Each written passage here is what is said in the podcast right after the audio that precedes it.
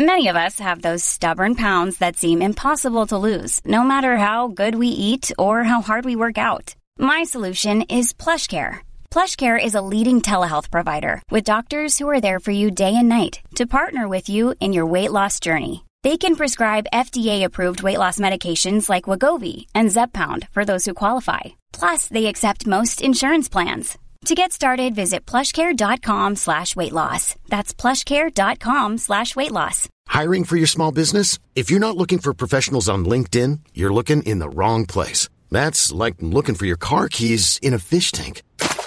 LinkedIn helps you hire professionals you can't find anywhere else, even those who aren't actively searching for a new job but might be open to the perfect role. In a given month, over 70% of LinkedIn users don't even visit other leading job sites. So start looking in the right place. With LinkedIn, you can hire professionals like a professional. Post your free job on linkedin.com slash achieve today. Er du klar for mer Lindvall, Øystein? Jeg er så klar for mer Lindvall, og det her er jo den episoden som du har venta på. Oppfølgerpraten med Lindvall og Pjokken. Ja. Vi avslutta jo der hvor eh, han hadde blitt stoppa med den uh, snikopelen med twin-turbo. Ja. Han var på vei hjem fra Gardermoen etter å ha kjørt der, og politiet i Grenland hadde jo bare hørt rykter om den Opelen som gikk litt fortere enn en Opel skal. Og nå satt den i saksa. Ja. Ja, men da setter vi over til Lindvall, da. Ja, vi gjør det. Jeg gleder meg. Vi kjører pod.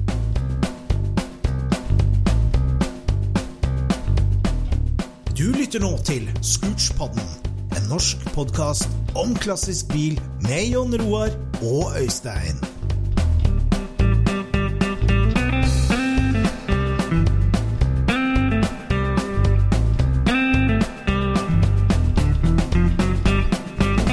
Men da plaga vel ikke Biltilsynet deg lenger? Nei, de visste ikke om den bilen, ikke sant. Nei. For da hadde vi ikke tenkt på at det kanskje går an å godkjenne den, liksom. Det skulle bare være sånn morsomt prosjekt som var fort gjort. Men Tok du med den til Sverige og herja nå der, da? eller? Nei, ikke med en gang. Vi Jo, kanskje. Vi var på Mantorp i Jo, 88 var vi på Mantorp. Da gikk en 12 blank og 205.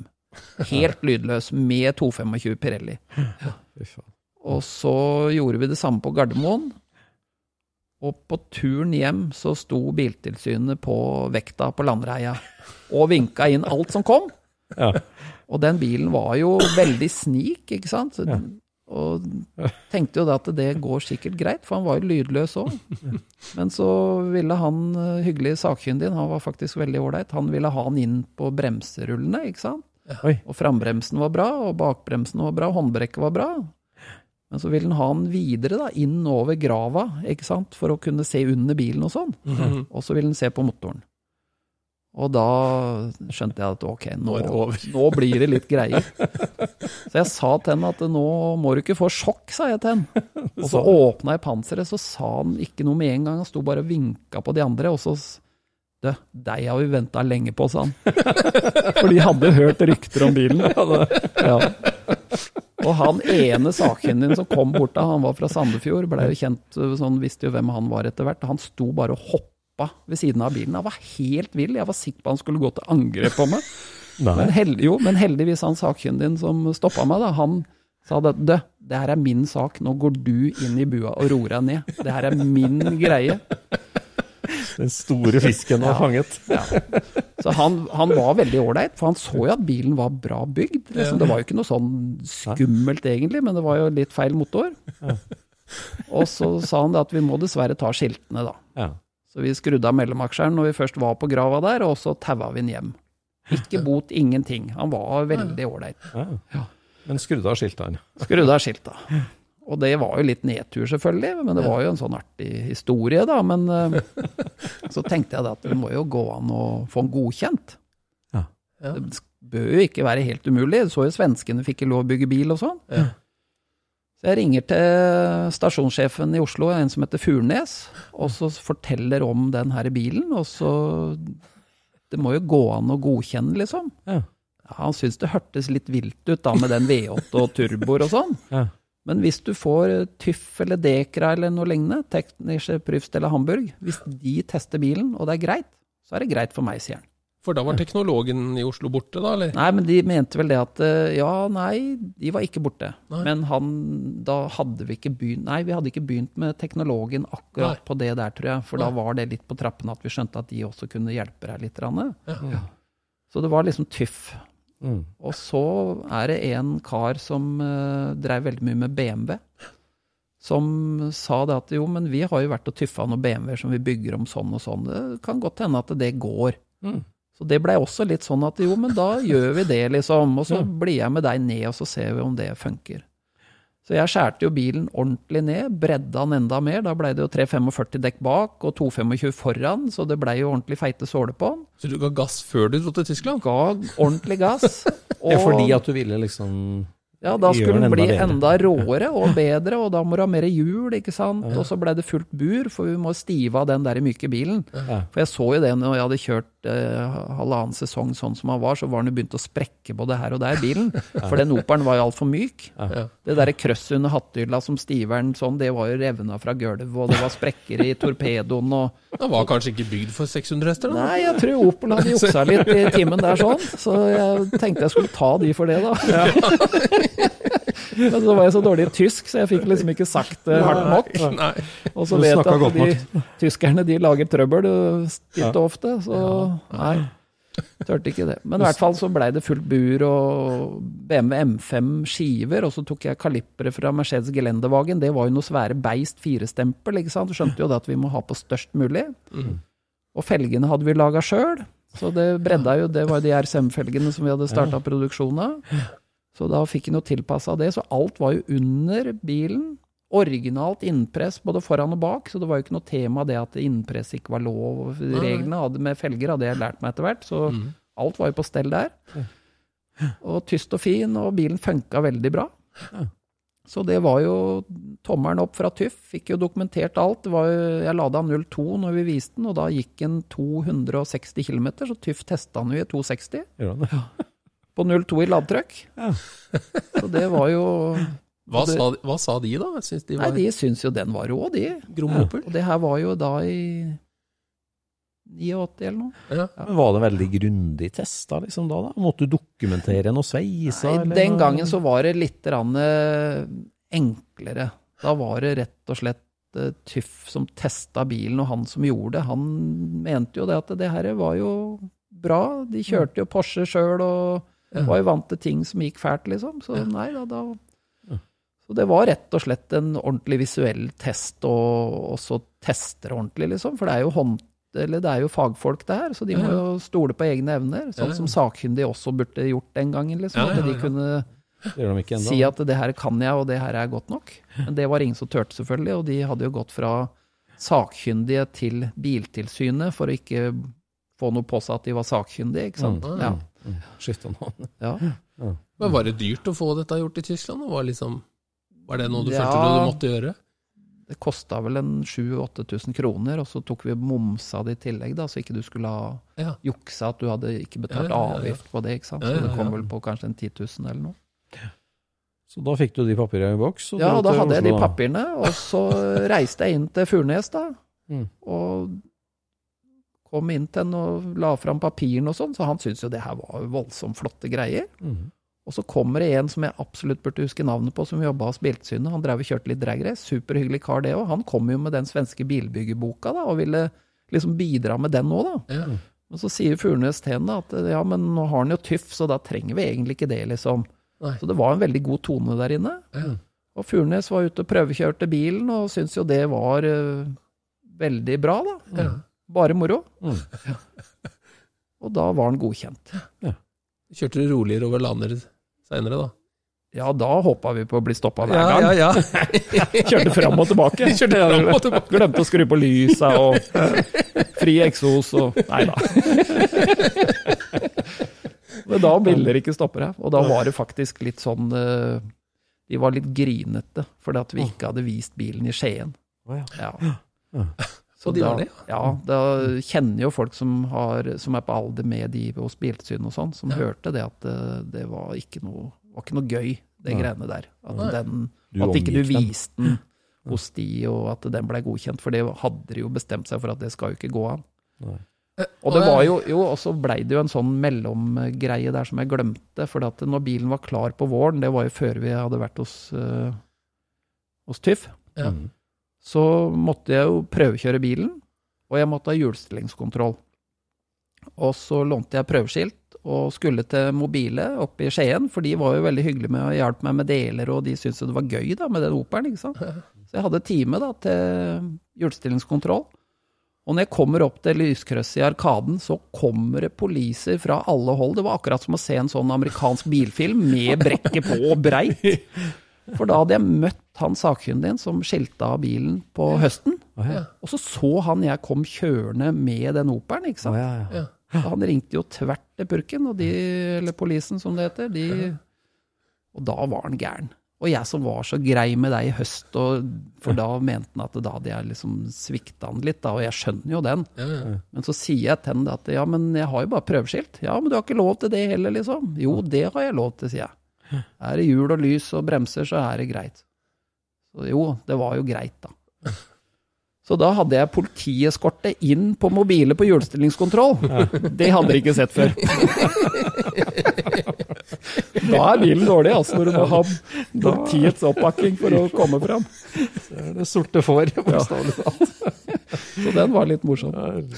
Men fortell litt om RCM, da, som du nevnte der, felgproduksjonen. Ja, det begynte jo på Vegan. Når jeg begynte på den, så måtte jeg ha felger til den. Og så hadde vi jo lest i Raiton om de RCM-felgene. Ja. Nei, kanskje ikke Raiton, men i hvert fall bilsport, for det blei gjort veldig mye rundt det, og Wheels og Power, og at det var Ja. svenskproduserte felger. Mm. Så det var jo liksom en konkurrent da, til Veld Wheels og Centerline. Ja.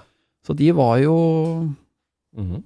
Veldig attraktive, de felgene. Drittøffe, og de fikk jo god omtale. Så jeg ringte jo til produsenten, og det var jo han Robert Boye, eller Robban som de kalte den da. Mm. Superhyggelig kar, veldig dyktig. Mm. Så de lagde jo noen felger som passa til Vegan på mitt mål, da. Ja.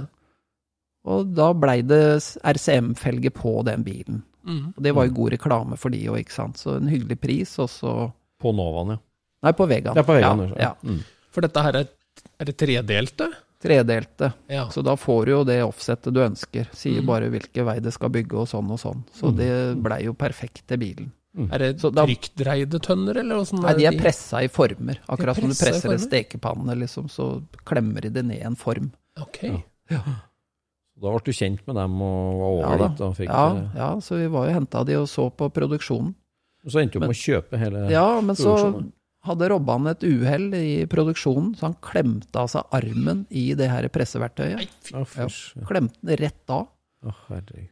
Og så ville det gi seg. Han fikk jo selvfølgelig erstatning, forsikring og sånn, og ja. Og så var det De hadde vel litt trøbbel med å få den produksjonen til å fungere ordentlig, tror jeg, for det, det så jeg jo i etterkant. Ja. Mm. Og så lurte han på om vi ville overta det, da, for han skjønte jo det at jeg var interessert i mekaniske ting. Ja. Men det hadde vi jo ikke råd til. Litt over middels. Ja. Og så var det noen stockholmere, noen 08-er her, som Ja, ja. kjøpte det. Mm. Og de fikk det ikke til, og det tror jeg var to luringer. Så ringte de til oss og ville at vi skulle kjøpe det, da. Da var det snakk om alvorlig mye penger, og vi hadde jo ikke penger i det hele tatt, så det var jo ikke tema, det. Nei. Men så gikk de konk, for vi satt jo bare der på gjerdet, og så gikk de konk. Og så fikk vi kjøpt hele konkursboet da, til en veldig, veldig hyggelig pris. Ja. Så vi var der borte i to måneder og plukka sammen og fikk transportert det hjem. Det var samtidig som Hvorfor det, liksom? Tenkte du at det var en god forretningsidé? Ja, jeg tenkte jo det at vi skulle lage felger, da. Ja.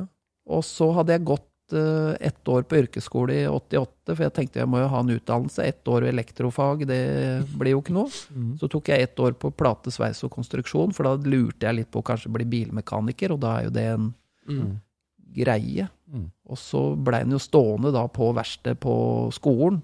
Ja. Og da begynte jeg å bredde stålfelger, for jeg bredda jo felgene på Operen. Nå hopper Mm. vi litt, da, men stålfelger, bredda stålfelger var jo kult. Ja, ja. Og han læreren som ikke var læreren min, men han som også var involvert, han likte ikke det helt, og det var jo livsfarlig, og du kan jo ikke bredde felger, og det er jo ingen som får til. og Nei, nei. så vi valsa jo baner og sveisa de, og det blei jo veldig bra, da. Og så blei vel det kanskje en sånn greie at ja, ja, hvis vi tar den felgproduksjonen og får det til, så kan jo han læreren se at det der kan vi. så det var en sånn greie sikkert det òg. Det blir jo sånn der en skal få det til og skal vise det, Kjøper Kjøpe en felgfabrikk. For å sette på plass yrkesskolen. Ja. Og så så vi jo det at det var jo veldig mye som ikke funka. Presseverktøyet var veldig feil, pressa var for liten, en orka jo ikke å presse fine pressinger og Så jeg laga alt pressevært nytt, det hadde du aldri sett for deg, men da må du gjøre det. Men da hadde du jo dreibenken og alt sammen. Og da holdt på med det ganske lenge, og så dukka det opp en presse inn i Oslo på 600 tonn istedenfor den 200-tonneren som svenskene hadde. Ja. Det var Nebb eller ABB eller hva det hette den gangen, inne i Oslo. De skulle ikke bruke den lenger. En svær rugg, Mm. og de ga den jo nesten bort. Og så begynte vi med den, og da fikk vi jo den eh, Det presseverktøyet funka veldig bra etter hvert, og hadde jo fått hjelp da som en av Hydro Holmestrand, Otto Berg, som bidra veldig da. Så vi lærte jo mye underveis der sånn. Så vi fikk den til. Ja. Og da kunne vi jo bygge felger på mål, og det var jo litt greia at du fikk plass. Mm. Fylt ut under bilene helt maksimalt da, ikke For da kunne du lage alle mulige innpress Ja, ja, ja. mulige Innpress som du vil. Mm. Var det bare skiver som du bytta ut inni pressverktøyet, da? Eller Ja. for, for Ja. dybden? Ja. Å, ja. Så vi pressa opp til ni tonn baner. Så Ja. innebane, ytterbanene klarte vi ikke like breie, de ryker jo til slutt. Det blir jo som å Ja. Du skal jo strekke Mm. aluminiumen på en måte, eller- men den flyter jo etter. Det er glødd aluminium, så du Ja. trykker den ned et hull, og så følger den etter. Ja. Så den 5 mm plata, den var jo 5 mm i senter, Ja. men når du hadde pressa den ferdig, så var den 6,5 mm ute. Mm. Så han øker i, i tykkelse fordi at materialet flyter. Ja. Det, det er jo smiing, ikke sant? At det flyter. Mm. Så vi fikk det til. eh, Masse greier, da, men det funka fint. Mm. Og så var det jo å dreie ut, stikke ut nav og bore huller og dreie av kanter og polere, pusse og polere og sånn. Så det var jo en voldsom jobb, da. Men ble det her eh, levebrød for deg en stund, eller? Eh, Ja, det var jo ansatte meninga. Mm. men det er jo veldig tidkrevende, og det er jo ikke lett å leve av det. Men jeg var jo så heldig at faren min han dreiv jo en bedrift i samme bygget. Så vi kombinerte det litt, grann, at jeg jobba bitte litt for han, og han solgte kjøkkenvasker og sånn. Mm. Så det var en sånn Mm. Fin greie en stund der, da. Men Ja. så, når du hadde fått til det felgreiene, så var jo ikke det like gøy lenger, det heller. Du er jo gjerne sånn at du har lyst til å Mm. gjøre noe nytt. Men Hvor mange norskproduserte RCM-felger finnes det? Nei, litt, jeg burde hatt styr på det, da, men jeg kan tenke meg at vi produserte kanskje 40 sett eller noe. Mm. Noe sånt noe. Ja. De er jo veldig ettertrakta i dag, da. Det er litt sånn der Ja, det er artig. Har du mange sjøl, da? I dag? står, Første felgen jeg lagde, står der. Ja. ser ja. Ellers så har jeg ingenting. Ingenting? Nei, Du har ikke noe sett sjøl? Nei? nei, Ja. ingenting. Ja, ja, ja. Solgte de felgene som var på Operen, og de burde den jo selvfølgelig hatt, men Ja, du vet, du må selge for å få råd til noe nytt, vet du. Har du pressverktøy fortsatt? Nei. Nei. Det var en kar i Holmestrand som kjøpte. Han dreiv og produserte Ja, vi produserte Harley-felger òg, det var jo det samtidig, så vi leverte mye Harley bakfelger. De solgte vi noen av. Ja. Og de skulle jo også være offset for å få plass til Ja. belten og sånn. Den sto jo skeivt i ramma, ikke sant. Så vi lagde noen Harley-felger, og så var det vel han som kjøpte det. Han traff jeg forresten inn i Oslo på Oslo Motorshow nå sist. Han produserte felger til motorsykkel, for det var jo ferdig til det. Og så tror jeg det var noen sidevangsgreier han også skulle bruke det til. Ja. Så han kjøpte alt sammen, og Og vi hele- ga oss. 600-tonneren også? Ja ja, henta alt. Så alt står der borte. Ja. Så jeg traff ham på Oslo Motorshow, og det var jo hyggelig da. Så han, eh, Ja. han huska meg, men jeg huska jo ikke eksakt åssen han så ut. Da, men det var artig. Artig. artig. Veldig moro. Så med felgproduksjon på gang, og og Opelen eh, typegodkjent, og norske skilt, hvor går veien da? Da kjørte jeg et par sesonger. Eh, Blei noen runder inn på Gardermoen. Mm. Og Stockholm Open var jo også veldig attraktivt. Oi, Var det du med vi- der? Det må vi To ganger. Oi, oi, oi! Det må vi snakke litt om, for det er jo et sånt legendarisk gaterace som vi har fulgt med mye på. Ja da, og det var jo liksom Det hadde vi også lest om, ikke sant? Ja. At de råeste samles der. Ja. Og det er klart, at når en så det, så var det jo Vegan som egentlig skulle bort der. Det var vel litt det som var ideen kanskje med den. Men da var jo, nå var jo Vegan borte, så da tenkte jeg at vi- det hadde vært gøy med Operen. Så vi kjørte jo bare bort, eh, kjæresten min og jeg, med Operen. Og da var det ingen som hadde sett den der borte, ikke sant? Så det var jo litt sånn artig. Mm. Og da Da var det 327-en. eh, Snill motor fremdeles. Eh, røyk ut i første runde, for der, jeg kom jo med 225 Pirelli på Det var før den var bredda. Ja. Det var før vi hadde godkjent. Ja, Ja. Føre Biltilsynet. Ja, så da gikk den jo 12 blank og 205 sånn som han var på gata, men det holder jo ikke, holder jo ikke der borte, for der begynte det å bli alvorlig, liksom. Så Vegaen hadde vært fin der. Holder ikke mot rullkams-Ronny, det. Det gjør det ikke, og det, nei, det, da var du langt unna. Ja. Hemi Darten og ikke sant, eh, Bageren med den Novaen og Ja, Nei, så det kunne du bare glemme. Er, det så illegalt og liksom bakgårds som vi, som vi hører om, på en måte? Ja, ja, det er helt rått. er helt Helt rått. Ja, ja. Vanvittig opplevelse. Er det? Ja. Men hvordan klarte du å komme i kontakt med det miljøet der borte, Nei, da? du stiller jo bare opp på er det Ropsten det heter, tror jeg. Okay. Der du samles. Ja. Så alle vet jo hva som foregår, og det er jo systemet ditt, ikke sant. Ja, Så da får du jo utdelt uh, førstemann. Dere to finner ut hvor dere skal møtes. Ja. Og da var det en ganske ille challenger med sikkert masse lystgass og kubikk og noen jækla sliks, og jeg kom jo med snille operen, så det gikk jo ikke det, men det var jo veldig gøy å ha vært der, ikke sant. Ja, ja, ja. Ja, for da, du møter opp på et sted, og du, har, du melder deg liksom på, Ja, ja. og så er det et opplegg. Og, Og svenskene hadde jo mobiltelefon den gangen, sånn at de hadde jo kontroll på Ringer jo bare opp og ikke sant, sånn og sånn. Ja. Så det var jo helt rått. Vanvittig heftige saker, altså. Men da er det jo en, en bil med starteren i, og så er det dere to, og så er det noen følgebiler som ligger bak dere. Ja, altså De får ut? bare en kamerat eller noe lignende bare til å få deg av gårde. Altså, alt Ja. foregår jo i de bilene. Og så Ja. etter hvert som du går videre, da, hvis jeg hadde gjort det, så følger jo andre etter deg. Så du får jo en sånn hale med folk etter deg som skal se, for til slutt så står du jo i finalen, ikke sant? Ja, så er det jo poenget at noen stopper bilene bak Ja, ja, for dette her er jo på motorveien. Ja, det er på motorveien, så de stopper jo trafikken. På fine rettstrekk, da. Så det, og polisen syns jo ikke bestandig det her er så kjempegøy. Var det burnout og sånt nå den gangen òg, eller? For det, nå gjør de jo det. Ja, ja, ja, og rygger tilbake, ja. ja. Full pakke. Trackbite og alt. Ja, ja, ja. Så det, det trenger du ikke å lure på. Så det var en eh, veldig kul opplevelse, og da får du jo litt sånn Da får du jo en følelse av hva som gjelder der borte. Ja. Men dette ga blod på tanna? Ja da, og så var det jo Skjønte jo det at skal du være med på det, så må du jo mer i kruttet. Og da blei jo Det var jo samtidig som den sesongen hvor jeg ble avskilta, så blei bilen bygd om, så var det plutselig plass til litt dekk og sånn. ja. Så da kjøpte jeg jo sliks til den, laga et sett med felger til da, som passa på, så jeg hadde jo sliks øh, til den. Og så skjønte du jo det at du kan ikke komme med standard konverter og 275-giring. Der borte, det går ikke, for du må ha gårde i starten. Så vi kjørte bort igjen, og da traff vi jo de samme svenskene, og da lurte de på om vi hadde ligget og cruisa 250 på motorveien og sånn, for de skjønte jo det at den bilen kunne du kjøre fort med, da. De syntes det var litt kult at vi kom kjørende igjen, liksom. Da. ja. Men da hadde vi bytta til 411 og sliks og Titon konverter. For at skal du hevde deg der borte, så må du ta i litt mer. Og så hadde jeg Men det var det oppsettet du da godkjente i, i Tyskland? Ja, ja. Tyffen, ja. Samme motoren. Så det var en generasjon to Opel egentlig der? der. Ja, samme motoren. Jeg hadde stilt opp ladetrykket, triksa litt, grann, så jeg kunne lade halvannen kilo. Litt tulen på tanken, så ikke du fikk tenningsbank. Og da gikk den ganske bra. Ganske bra. Ja. Gjorde nok det. Og da en- kom, da kom vi et stykke på vei, sånn at, men så begynte det å regne ut på natta. Så vi fikk ikke gjort opp videre, liksom, men da, det, da gikk det greit å begynne med.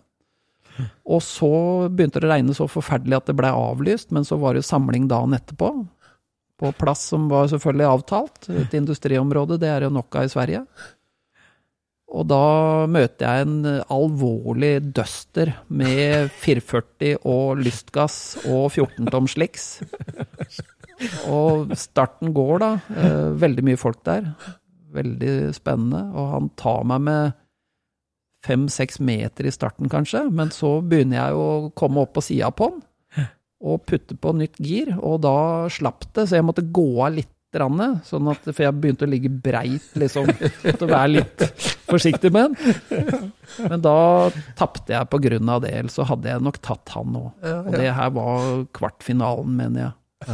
Men da var det jo Bageren og en Mustang, en blå Mustang, en eh, rein dragracebil Ja, egentlig. han eh, En ly- Klemt eller noe sånt nå, fra Småland eller noe sånt. Ja, en lyseblå en. Ja. Og alle hadde jo da maskeringsteip på bilene, som de hadde lakka da i bilens farve, sånn at reklamen var borte. På mange, for det var jo racebiler de kom med, ikke sant? Ja, ja. Og Rulkam-Ronny og de og det. Han hadde jo blitt slått ut litt tidligere på kvelden, for han eh, bageren, tror jeg var bageren som slo han ut.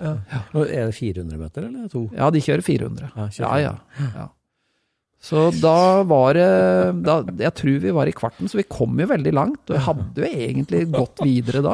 For at den Operen den funka jo fint på gata. De dragracebilene de sleit jo med feste og, Ja. Og Bortsett fra at vi også gjorde akkurat det, men normalt sett så var det jo Men hva slags bakstilling hadde du egentlig? da? Det var ombygd Opel bakstilling, men han var jo litt sånn tilgivende, og Ja. på gata så handler det om at du må ha det litt mykt. Ja. Hvis ikke så sjokker du det løs. Ja, ja, ja. Og det har vi jo sett på andre biler jeg har surra med, at du må liksom Ja. tilpasse det gata akkurat der og da, liksom, i hvert fall. Stabstaga må løsnes på, så bilen lever litt mer, og du kan ikke ha stabstag, for da blir det for stivt. Du hadde vel med deg et norsk følge bortover, da? Gang nummer to, eller? Nei, Nei? det hadde vi ikke. Det var hemmelig? Nei, ja, det var vel eh, kanskje det, jeg vet ikke. Husker ikke. Men da fikk vi jo sett finalen og sånn, og da var det jo Bageren som vant. Det var to Novaer i finalen. Ja. Jeg har alt det her på teip. Og TV3 har jo filma alt sammen. Har? Ja, ja, de hadde jo en sånn lang uh, Citroën stasjonsvogn som var bygd om til pickup, med boggy bak. Med et voldsomt filmstativ oppå. Du ser jo bilen min der, faktisk. Når polisen kommer og avblåser en, en av gangene vi sto der. Ja, ja, ja. Svenske tilstander. Ja, ja, det var ordentlig rått. Ja. Så det var uh, saker.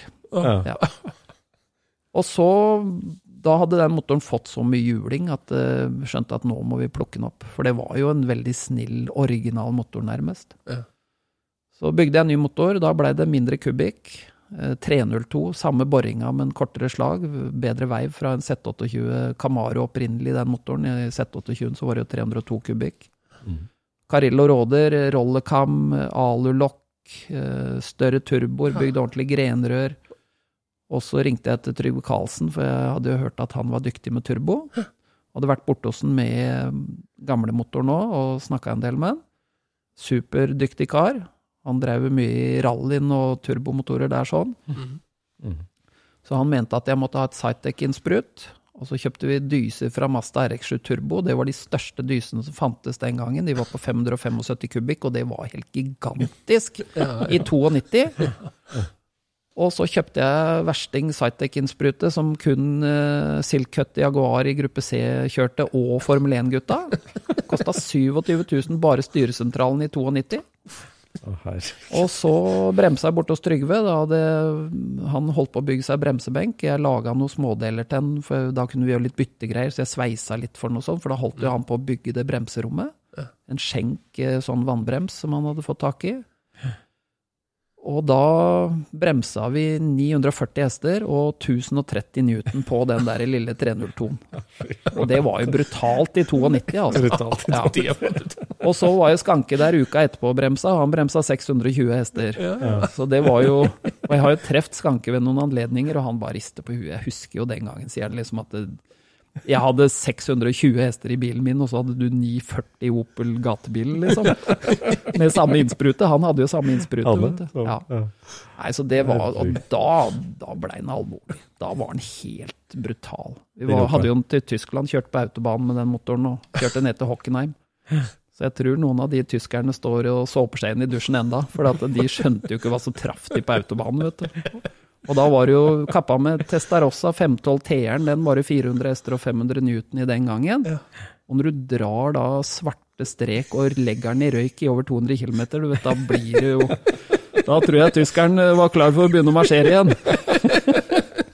Ja, var det for å kjøre på Hockenheim, eller for å Nei, vi så på Formel 1. Så på Formel 1, ja, ja, og så var vi innom Nürboring. Men da skal jo alle ned til Hockenheim den helga, ikke sant? Så det er ekstremt mye rå biler som kjører samme veien. Ja. Ja. Å ja, så kjørte omkamp litt der, da. Ja, så vi fikk plaga veldig mye tyskere, og lovlig på autobahn, ikke minst. Ja, Så da kjørte vi 280 km, et lite napp, og da begynte panser å bøye seg opp i hjørnene foran. Og da skjønte vi at å ja, nå må vi roe ned. Men 280 var jo ingenting. Det var bare zapp, og så var du der, liksom. Og så dro du til Stockholm igjen da, etterpå? Ikke med den motoren. Nei. Nei. Nei. Men den gikk fælt. Så når vi kom fra Hockenheim, så reiste vi til Gardermoen. Da var det jo Superstreet inn på Gardermoen. Og da hadde jeg jo 275-giringa og standard-konverteren igjen, så da var den jo supertreg i starten.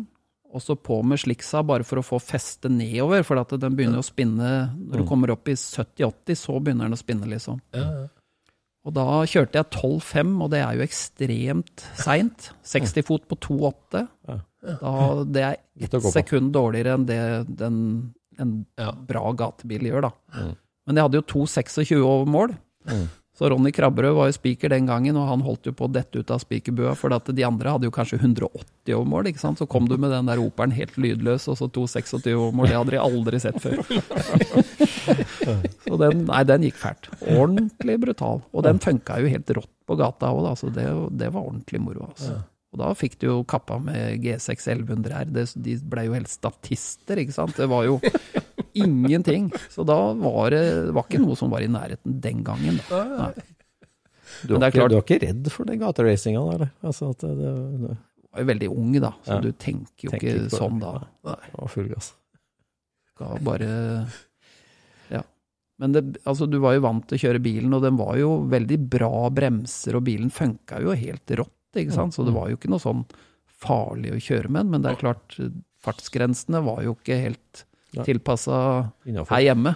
Det var ikke så mye firefelt i Norge på den tida der. Det var ikke det. Nei. Nei. Men uh, Men så, da, etter Opel, så ble det Corvette, eller? Mercedes. Nei, da blei det et par sånne smågreier med noe uh, Corvette. Solgte Operen og kjøpte C4 Corvette Cab, for da var jo de liksom veldig tøffe. 86 C4 Corvette Cab. Helt original, men med manuell, da. Det var første gangen med manuell og V8, det var veldig gøy. Ja. Da var vi ferdig med automat, Vi hadde automat i Operen nå. Ja.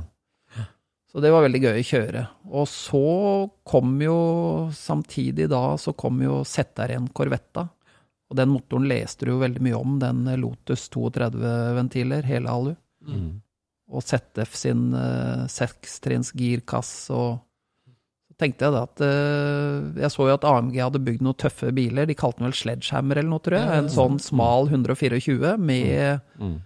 5,7 liter 32-ventiler Mercemotor. Mm. Og den gikk jo 302 km. Mm. Så tenkte jeg at en sånn ZR1 Corvette-motor, det må jo være riktig i en sånn Merse. Så fant jeg en svenske som skaffa motor og girkasse og diff fra en skadebil i USA. Kjøpte det, og kjøpte Merce 124. Og skulle ha den oppi. Det var ganske ny bil da, var det ikke det? Jo, det var jo det. Det her var jo i 95, var jo den bilen ferdigstilt. Ja. Jeg kjøpte den vel på høsten 94. Og motoren var jo en 91-modell som har gått eh, 19 000 km eller noe sånt nå, så det var jo nytt. Og Merca var jo på en måte litt ny den gangen, da. Så, Ja. så, så tre kvart år byggetid, altså, bare på det?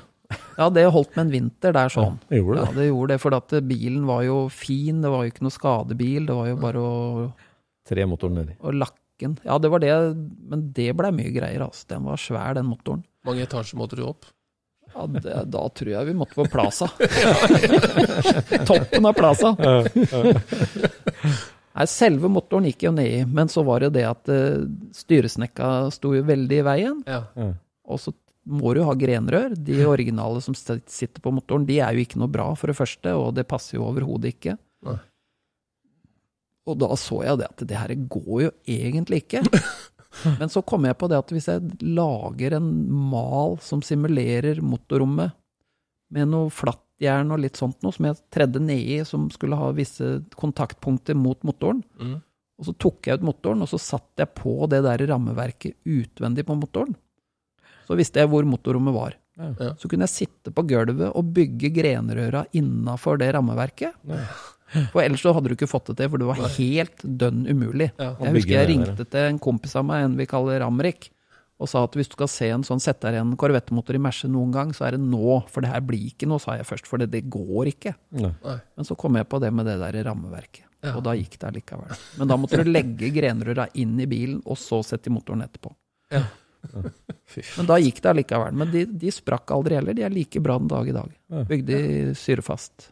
Eller rustfritt. Jeg husker ikke akkurat legeringa. Hiring for your small business? If you're not looking for professionals on LinkedIn, you're looking in the wrong place. That's like looking for your car keys in a fish tank. LinkedIn helps you hire professionals you can't find anywhere else, even those who aren't actively searching for a new job but might be open to the perfect role. In a given month, over 70% of LinkedIn users don't even visit other leading job sites. So start looking in the right place. With LinkedIn, you can hire professionals like a professional. Post your free job on linkedin.com slash achieve today. Den bygde du da ferdig og tok med deg til TIFF og godkjente den der? Ja, var av en eller annen grunn, kanskje den begynte å bruke huet litt og ikke kjørte så fort hjemme, så kjørte jeg jo aldri ordentlig fort her hjemme med den. Og så reiste vi til TIFF og skulle ned der sånn, men på autobahn så da er det jo bare å dra på. Mm. Og i 2.20 så begynte det å dure veldig i mellomaksjeren på den, for den ble så lang den mellomaksjeren, og det er et kritisk turtall akkurat da. Ja. Så du kom ikke forbi den farta. Nei. Da ville det bare eksplodert under bilen, liksom.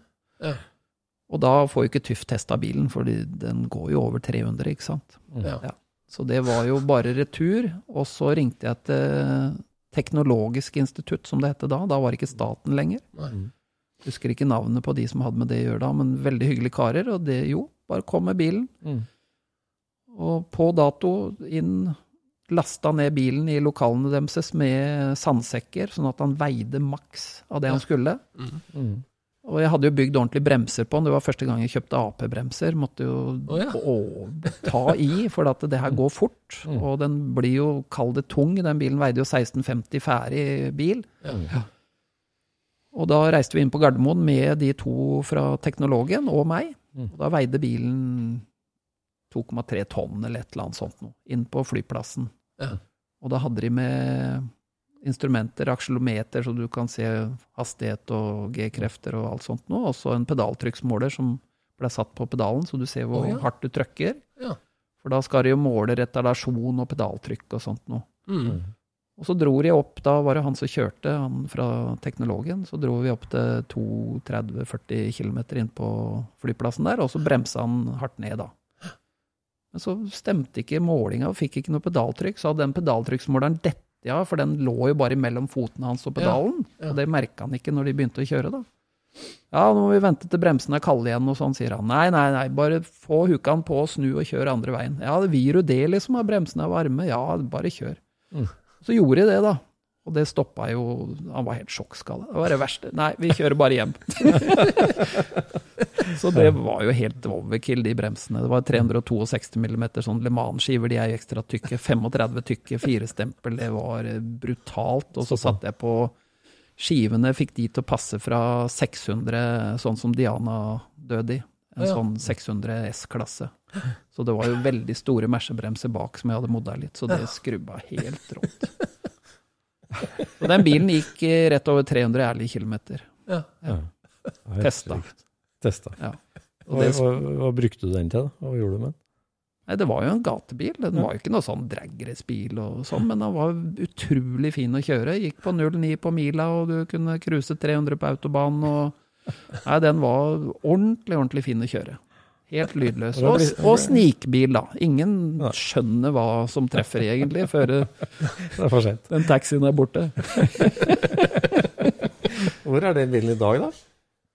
Solgte til en i Drøbak. Han hadde den eh, i 25 år. Kjørte 140 000 med den. Ja. Han kom her en gang i året på oljeskift og sånn lett service.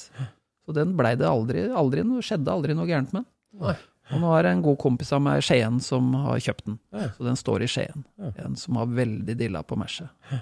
Tommy Coax har den. Ja. Mye amerikansk og mye Mercedes. har Men du hadde fått smaken på Corvette og gikk videre med gammel Corvette. Ja, da var det innom noe båt og sånn. Ja, den har vi hørt om. Ja. Politibåten fra Florida. US Coast Guard hadde hatt den. Ja. Ja. 39 fots Arenov. Og sånn, så fikk jeg tak i to svære turbodieseler. Tolv liters rekkeseksere. Som jeg skulle ha ned i, men det var ikke plass til, så vi måtte forlenge skroget tre fot. Og da blei det plass til motoren, for vi måtte ha diesel. Bensin i sånt, det nytter ikke. Så da blei det et par sesonger med det. Ordentlig tøff, eh, rå turbåt. En katamaran, var ikke det? Ja. 39 fot katt. Som, var, som var brukt til å ta narkosmuglere fra Ja da, det var fengsel ned i båten på en måte, med ståldører og håndjernfester ned og blod på benkene. Så det hadde gått for seg der. Og han Don Arnold er jo laga film om nå, han heter Ben et eller annet i den filmen, det gikk her om dagen forresten.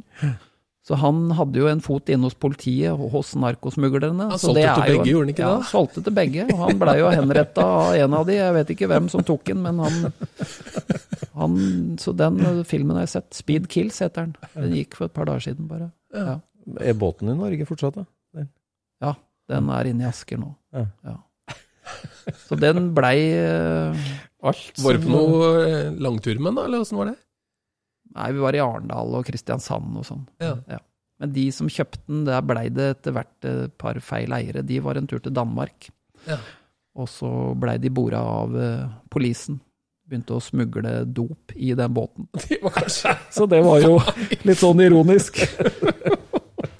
Så det var litt sånn morsomt. Hvordan er det gammel sirkushest vil alltid Ja, ja, ja. Men det var jo sånn historien i USA var òg, ikke sant. Ja, ja, ja. Samme fyren solgte jo til begge parter. Så Men etter artig. båtlivet, da, så da bygde du den svarte korvetten vår? Eller? Ja, Ja. den så en annonse i eh, Bilsport, en kompis av meg som så den, Mm. og så jo drittøff ut. Det var jo ferdig bygd bil. Mm. Og ZL-en korvettemotor og den ZF-kassa som jeg allerede visste var en ordentlig girkasse, ikke sant? Ja. Og da Ja, det blei Lotus Omega samtidig òg. Ja, Ja, Lotus det var i samme momentet. Ja. Frank Blomdal, han som kjøpte Opelen min i Bergen, han er jo Opelmann, driver jo Blomdals Opelhøg. Så han skulle jo ha Lotus Omega, og da skjønte vi at det er jo heftig. Vi hadde drømt om det når vi var litt sånn i Opel-perioden, så så vi jo de når de kom. Og det var jo det råeste den gangen. Så det blei en Lotus Omega òg. og det var jo før det løsna litt på avgifter og sånn i Norge, så da måtte du jo sage de i to. Og Ja. skjøte inn med en norsk bil, ikke sant. Så måtte du Ja. kjøpe norsk skadebil og skjøte inn og mye Ja. greier. Men det blir jo en Mm. komplett bil når du er ferdig, da. Så det blei jo en veldig, veldig ålreit bil. Sånn som Merca omtrent. eh, Mye mer dreiemoment og enda litt mer power, men like kjørbar og fantastisk eh, morsom bil, da. Og gikk jo fælt på gata. Ja. Veldig, veldig bra. Det har blitt noen timer i Ørste. Ja, ja. Mange timer. Det har ikke tid til å sove. Bare Men så skulle du kjøpe ferdigbygd bil altså, når du kjøpte Corvette fra Sverige? Eller? Ja, da reiste jeg bort og kikka på den. Jeg hadde sagt jeg skulle ha den, for jeg skjønte at prisen var riktig den gangen. Eh, og kom bort, og det så jo drittøft ut. Veldig rå motor. og Visste jo en sånn ZL1-motor er jo sinnssykt verdifull, og det var jo en ekte ZL1 som ikke hadde stått i de 69 Camaroene som ble produsert, og ikke i de to Corvettene som ble produsert, men de lagde jo noen sånne serviceblokker for racing og sånn. Så det var en sånn som var litt større bor på, den var 4,44 bor. Var en svenske som har gjort det der, da? Eller Ja, en? Opprinnelig en nordmann som bodde i Stockholm, Ja. Som hadde bygd den. Ja. Men så Hvilket år er de blokkene fra, da? Nei, De er vel fra noe sånn 68-69, Ja, kom jo ja, ja. de 69 stykk Zetland Camaroene, de kom jo i 69. Og det var jo samme Corvette, da. Det Mm. var vel to sånn Zetland korvetter som kom. Og så kjørte jo Canham Racing, det var jo da de brukte de blokkene, vet du. Ja. Og da var det jo den boringa der. Så den var på 495 kubikk, for den var jo stor bor, og så var det 4450 slaglengde, firetom slag, og da ble den på 495 kubikk. Og så var det jo Zetlen topper og rollekam, og det var en ganske bøs motor. Eh, De hadde bremsa den med et annet innsug og sånn, og da hadde den jo bremsa rett over 700 hester. Det var jo mye, og så var det jo lett bil, og så jo potensialet inn, liksom. Ja. Men på prøvekjøringa så var det jo veldig lite som virka. Den koka, og det var eh, De hadde bare bygd den, og så hadde den bytta eier. Det var en som Jeg husker ikke hva han heter, men det er en eh, nordmann som er opprinnelig fra Trondheim eller et eller annet sånt, som hadde flytta til, til Stockholm? Stockholmstraktene. Og så hadde han gitt seg, og så hadde, han overtatt den, han som jeg kjøpte den av, og så hadde han og broren gjort den ferdig, men det var liksom Mm. Det var ikke på stell. Nei. Men jeg så jo det at det her er jo bare å få hjem, og så klare å være klar til våren, liksom. Mm. Så jeg kjørte litt med den på høsten, gjorde noen små grep, og så reiv den litt ned på vinteren. Lakka dører og panser og fikk litt mer fasong på noen sånne småting på bilen. Slipa den ned, polerte den opp igjen uten å lakke alt mulig rart. Eh, tok motoren, eh, gikk over den litt. Rann, eh, kløtsjen og det funka ikke. Måtte rette opp for Kløtsjhuset var jo ikke sentrert i forhold til veiva, det var mye sånn surr. Hoppa ut av fjerdegir for de hadde gjort noe feil i front av girkassa. Og, Ja. og så bytta jeg ut alt i bakstillinga, for eh, jeg regna med at det originale det blir jo revet i fillebiter. Så jeg kjøpte ordentlig heavy duty drivaksler, ytteraksel, diff, bytta utveksling. Fikk i 308 istedenfor det 355 som var der. For med 355 så må du starte på andre gir for å komme av gårde. Altså planen med den her var jo at eh, han skulle være veldig rask på gata, da, og da må du ha seig utveksling. Men det er en IRS-bil, det, eller? ja, Ja. ja, ja, delt bakstilling. Mm. Veldig bra til sånn rett framkjøring, den bakstillinga. Det griper godt, altså. Så En sånn korvette, den klarer du å få av gårde hvis du har trena litt og gjort de rette tinga. Mm. Og så bremsa vi motoren. Bremsa 668 hester Mm. eh, med et veldig snilt innsug og en fireporter. Og veide 1340. Ja. Eh, Bredda noen felger, kjøpt kjøpte noen felger og bredda de litt for å få maks bredde innover, sånn at du Ja. Så 255 Pirelli fikk jeg på bak, det var i 18 tom. Mm. Bygde ordentlige bremser, da blei det en blanding av Brembo og AP. Veldig fine bremser, 355 mm rund baut. Ja. Eh, litt stabbstag og bilsteindemper istedenfor det der amerikanske rælet som sto der. Og trena mye på gata, kjørte mye på gata, for bilen funka jo godt, så trena på starter og sånn, så den gikk jo bra, og så var jeg inne på Gardermoen. Mm. Og da kjørte jeg på det beste, da var det ikke jeg som eide bilen, da hadde jeg solgt den til han Truls Eidsvoll som eier nå, da. Men da kjørte vi med 255 Pirelli lavprofil, eh, 35-profil eller 30 eller noe sånt. Mm. Så kjørte 10, 72 og 215. Bra, det. Ja, det, det- det er med manuell 308-utveksling, men det var jo fordi at da gjør den rundt 100 på første, sånn at da må du være tålmodig med gassen og bruke tre sekunder på å Mm. trå inn gassen, da, som det tar 0 til 100, gikk på rundt tre blank da. Mm. Med veldig, veldig forsiktig start. 1500 omdreininger i startutall, det var maks. Gikk du over det, så spant det løs, og du måtte liksom lurne av gårde. Ja. Og da husker jeg, jeg kjenner jo Pollyen fra Bergen godt. Han kom jo bort eh, når jeg hadde tatt det der 10-72-draget, og så sa han bare da, sto og rista på huet. Det du gjorde nå, sa han, det går ikke an, sa han. Med de dekka. Det er helt umulig. Men det var jo te testa lenge, da. Og huka stabsdag, du kan ikke ha de på, for at da blir bilen for stiv og sånn, ikke sant. Og, og så var det justerbare bladfjærer og sånn eh, komposittbladfjærer som du kunne justere hardheten på. Du kunne ja. flytte vippepunktet på de. Mm. Så du myka den jo opp maks, liksom. Og, Ja. Nei, den funka ordentlig bra, altså. Mm. Ja. Skikkelig moro. Herlig. Og da solgte jeg den uh, etter den sesongen, Mm. og Truls har hatt den siden. Så tenkte du nå må jeg ha meg kombi. Ja, og så hadde vi jo firmabil, jeg jobba forfatter, og det var en transporter. En sånn uh, Mm. ja, 89 transporter eller et eller annet Ja. sånt. En T3-buss. Ja. ja. To liter og 78 hester. Ja. Det gikk jo ikke så godt. Og så jeg brukte den veldig mye, og så den ligger jo bra på veien, så du kan jo komme deg godt av gårde, men eh, når du skal forbi noen, da, så gir de jo gass. Så tenkte jeg at det her må vi jo få gjort noe med, og så blei det jo litt sånn der tullprat når du hadde tatt deg en øl, og det hadde vært gøy. Og vi, vi spøka med at vi skulle ta motoren fra rekorden, og så montere den i den transporteren. Og så skulle det være jekkestropper som du så baki der, så det så ut som du bare transporterte den motoren. Ja, ja, Men sånn, den var jo egentlig i drift. Når du kikka inn rutene, så å ja, du er bare ute og kjører, skal levere den. Så det var liksom sånn, ja, sånn der dusteprat, men veldig moro da, selvfølgelig. Så, men så blei det jo plutselig til at du hadde jo begynt å si at det skal jeg gjøre, så måtte du gjøre det, da. Men så tenkte jeg at vi må jo ha en bil med seter og sånn. Ja. Så sto jo den uh, Caravella i Aftenposten. Det er en profil i Oslo som hadde hatt den. Gjøran. Gjøran, ja, stemmer. Og bilen var jo veldig fin. Mm. Så vi reiste og kjøpte den, da. Og så skulle jo den være ferdig på to måneder, den bilen her, for vi skulle jo ikke til sakkyndig. For det var liksom bare sånn, bare moro. Bare Ja. bruke den der Opel-motoren inntil den skulle over i Opelen igjen. For jeg Ja. hadde jo rivd Opelen, jeg hadde jo kjøpt tilbake den og, nå Ja. kjøpte den i 98. Så du hadde den 1000 hesters dobbeltturbomotoren Ja, stående i da var den på 940 hester. Ja, 940, Ja, og jeg hadde automatkassa, og jeg hadde ikke tenkt å røre det da. Det skulle bare inn bare sånn fort og gærent. Skulle ikke se Vi gikk vekk fra de jekkestroppene, for det var jo sete i bilen som skulle under der. Ja. Og jeg hadde laga en pappmal som viste lengde på motor og hvordan det her ville se ut, så jeg så det at jo, det her kan gå. Men det måtte jo bli midtmotor. Det måtte bli midtmotor. Så det var jo Jeg pleier å spøke med at det var jo så mye gærent med den originalmotoren fra Volkswagen.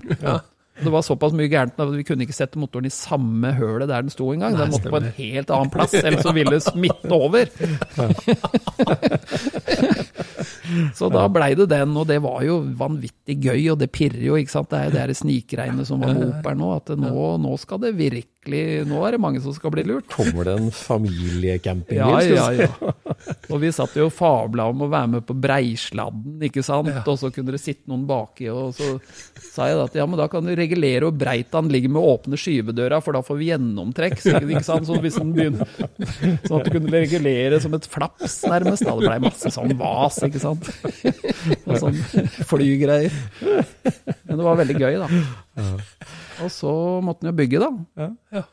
Men så rakk jeg jo ikke, det tok jo ikke de to månedene, for det var jo som vanlig mye mer jobb enn en trodde, og så var det veldig gøy, da. Og så så jeg at ja, jeg rekker jo ikke denne sesongen her. Droppa ut motoren i påska 03, 04, 03.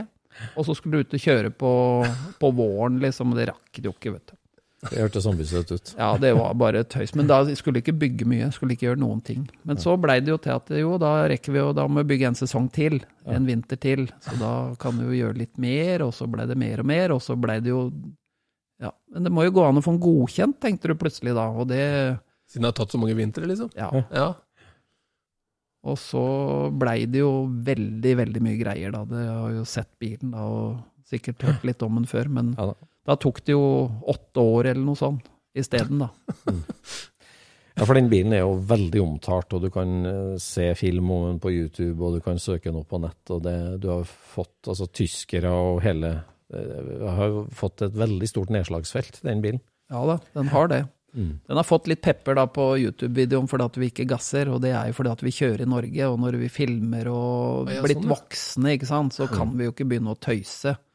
Så vi har eh, drømt om å kjøre til Tyskland med den, og så kjøre litt på autobahn, da, lovlig, og så få For det er et veldig stort T3-miljø i Tyskland. Ja, ja. Der er det å kjøre fort på autobahn. Det er greia, virker det som. Ja, ja, ja, nei, de kjører alvorlig fort der nede. Så det er kult, det, altså. Så, Container. så det hadde vært veldig gøy. Og bilen fungerer veldig godt. Det er jo full båndplate med venturier og enormt marktrykk og sånn, så Ja, for det er, det er vel her som det nivået på detaljer bare går ut av proporsjoner.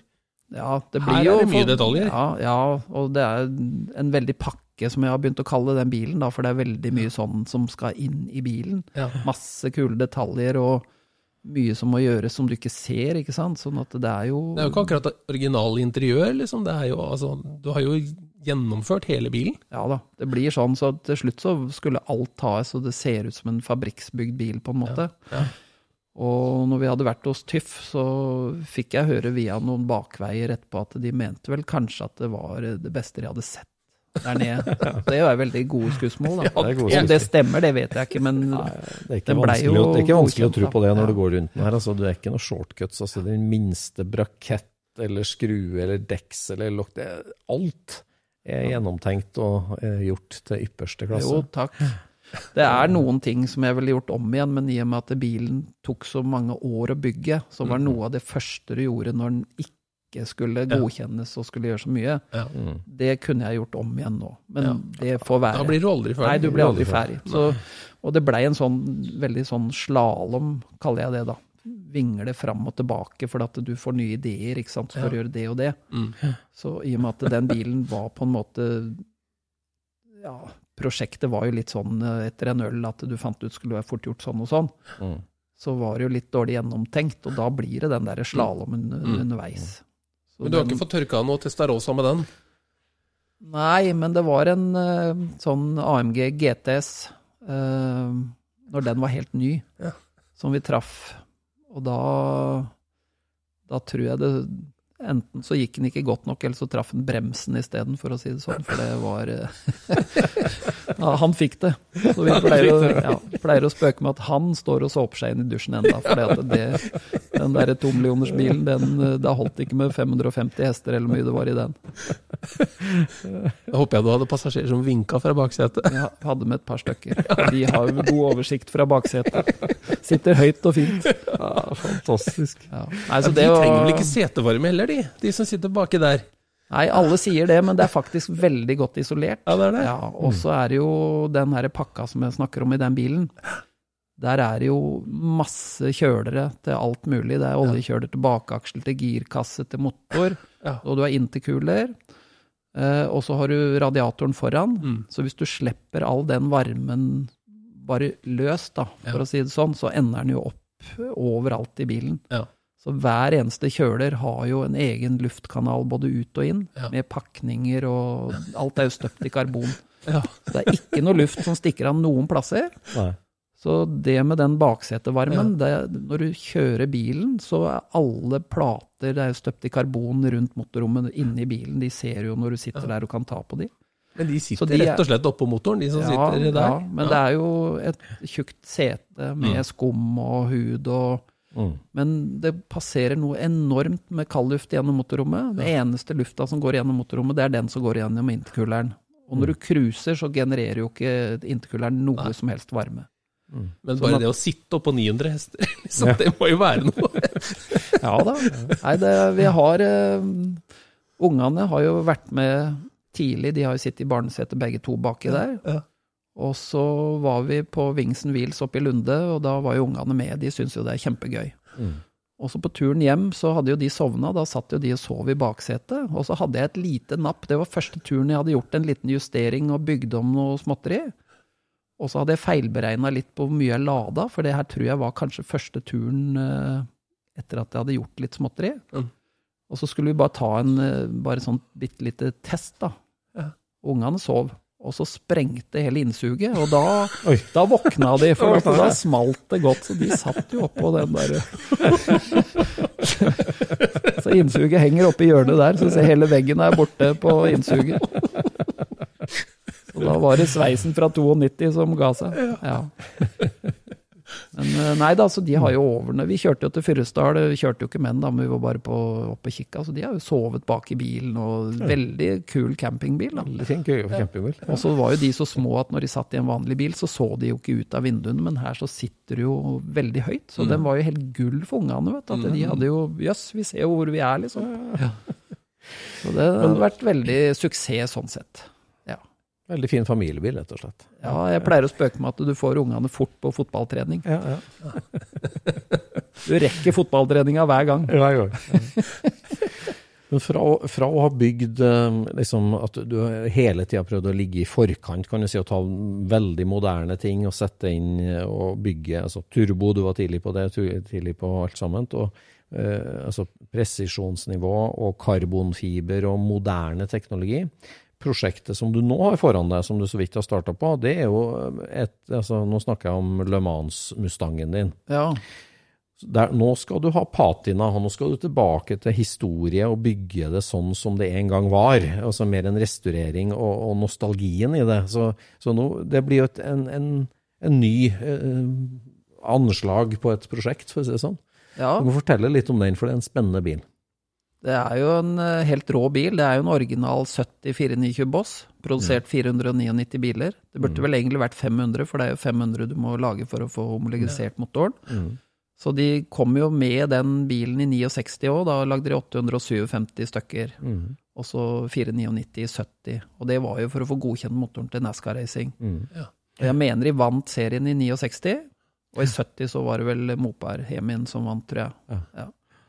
Ja. Men da er det jo en av de 499 70-modellene som er laga. Mm. Helt unik bil, og den blei jo solgt ny i Frankrike. Det var to stykker som gikk nye til Frankrike. Ja. Og det var bare tilfeldig. Det var eh, Dag Løkke, en kompis av meg, som sa at han hadde sett den på fransk eBay, den bilen. Og vi skjønte jo med en gang at det, det var jo en sånn en som vi hadde lyst til å kjøpe i 81. Endelig så Ja, ja. skal vi få tak i en sånn bil, ikke sant? Ja, Ja. Ungdomsbilen din. Ungdomsbilen, ja. Så Ja. da um, hadde jeg ikke penger til den aleine, men jeg hadde en kompis som uh, syntes det her var spennende, så vi fant ut at vi spleiser på den. Den kosta mer enn 95, den der. Ja, den hadde steget litt. Ja. Inflasjon eller et eller annet. Ja, Jeg vet ikke hva som har skjedd. Så vi spleisa på den, og han fløy jo rett ned til Frankrike og kikka på den. Og vi prata på mobil og hadde jo kontroll på nummer og ting og tang. Og fant ut at det her var helt riktig.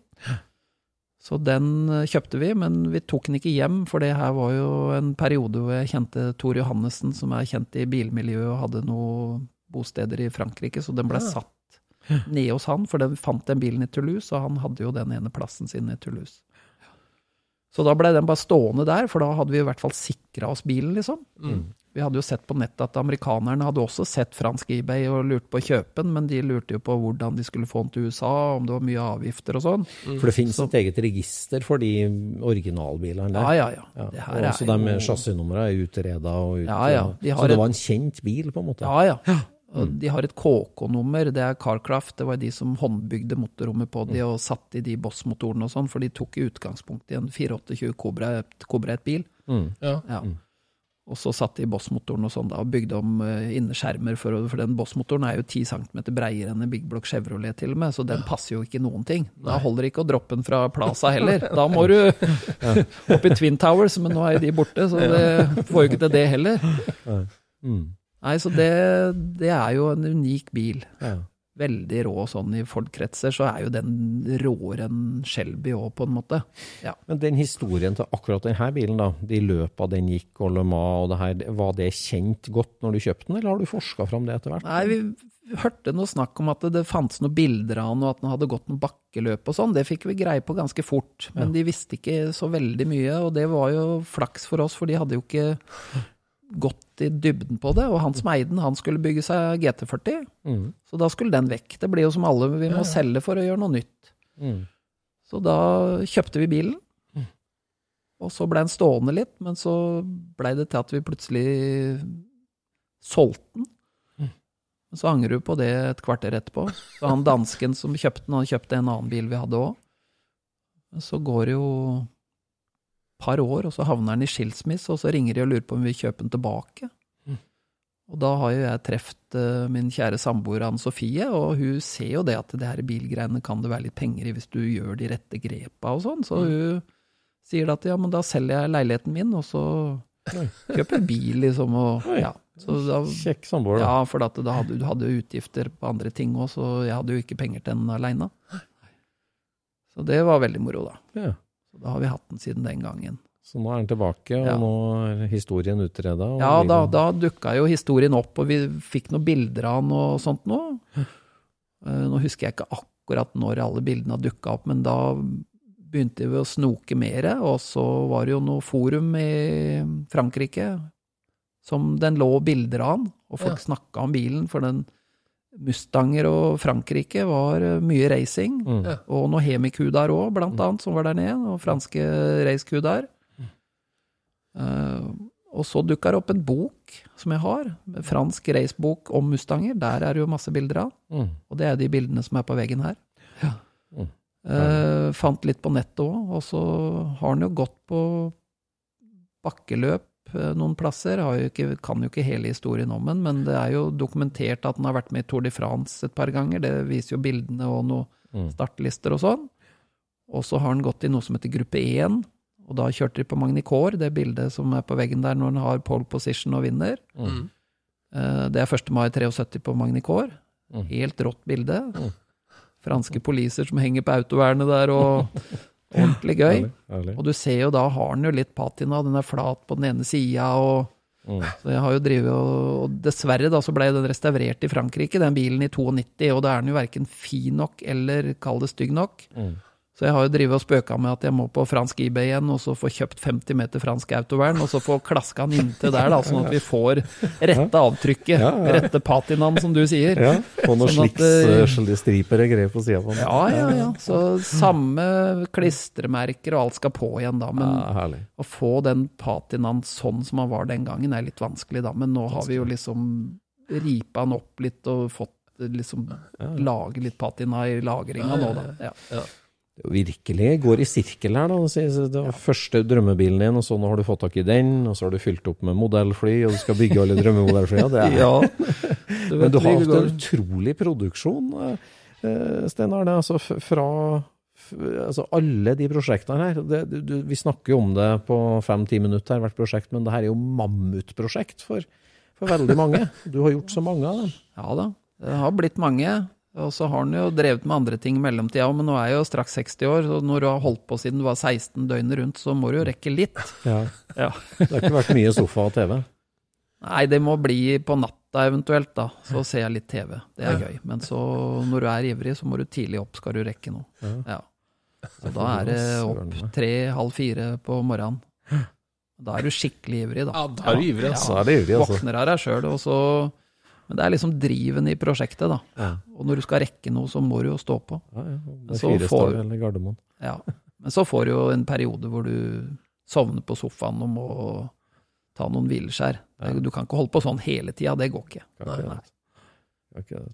Men det er veldig gøy, da. Det Veldig veldig Jeg er spent på om du skal bruke en natt i Stockholm igjen i framtida, jeg da. På Stockholm Open. Ja.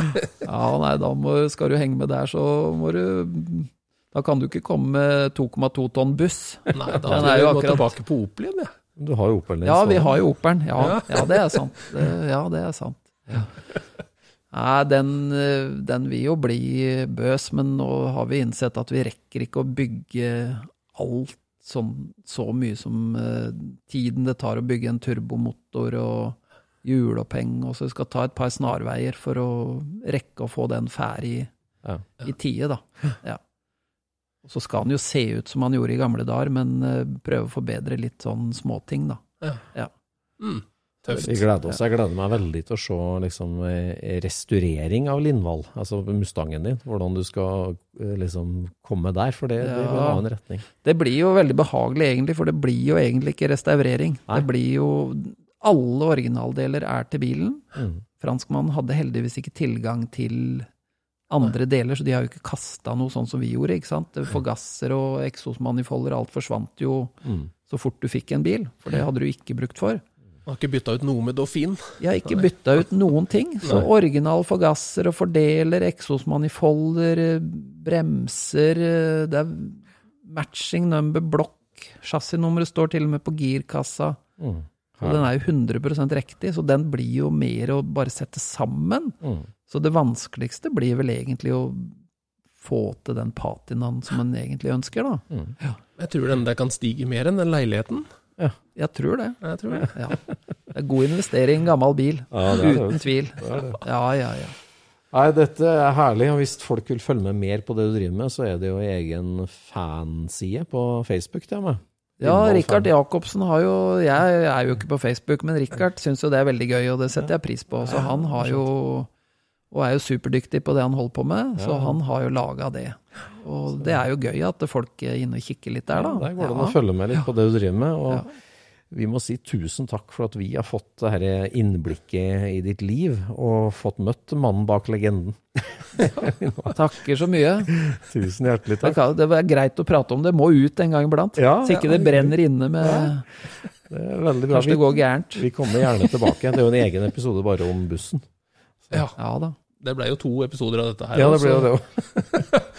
Og så har jeg kjøpt tilbake Honda 100-en, da. Ja, har du det òg? Ja, NE1102 er tilbake, så det er den her i sirkelen. Så Ja, der har jeg, den har jeg planer for. Er den fortsatt på 142 kubikk, eller? Det var 142 se- første sesongen, og Ja. så ble det 160, nå blir det 167. Ærlig. Så det blir fint å bli avskilt av sakkyndig når du Ja, er 70 år med Honda 100. Gjøre Porsgrunns gater Blir utrygge. lagt i jern av politien vet du, som pensjonist med Honda 100. ja, oi, Herlig. herlig.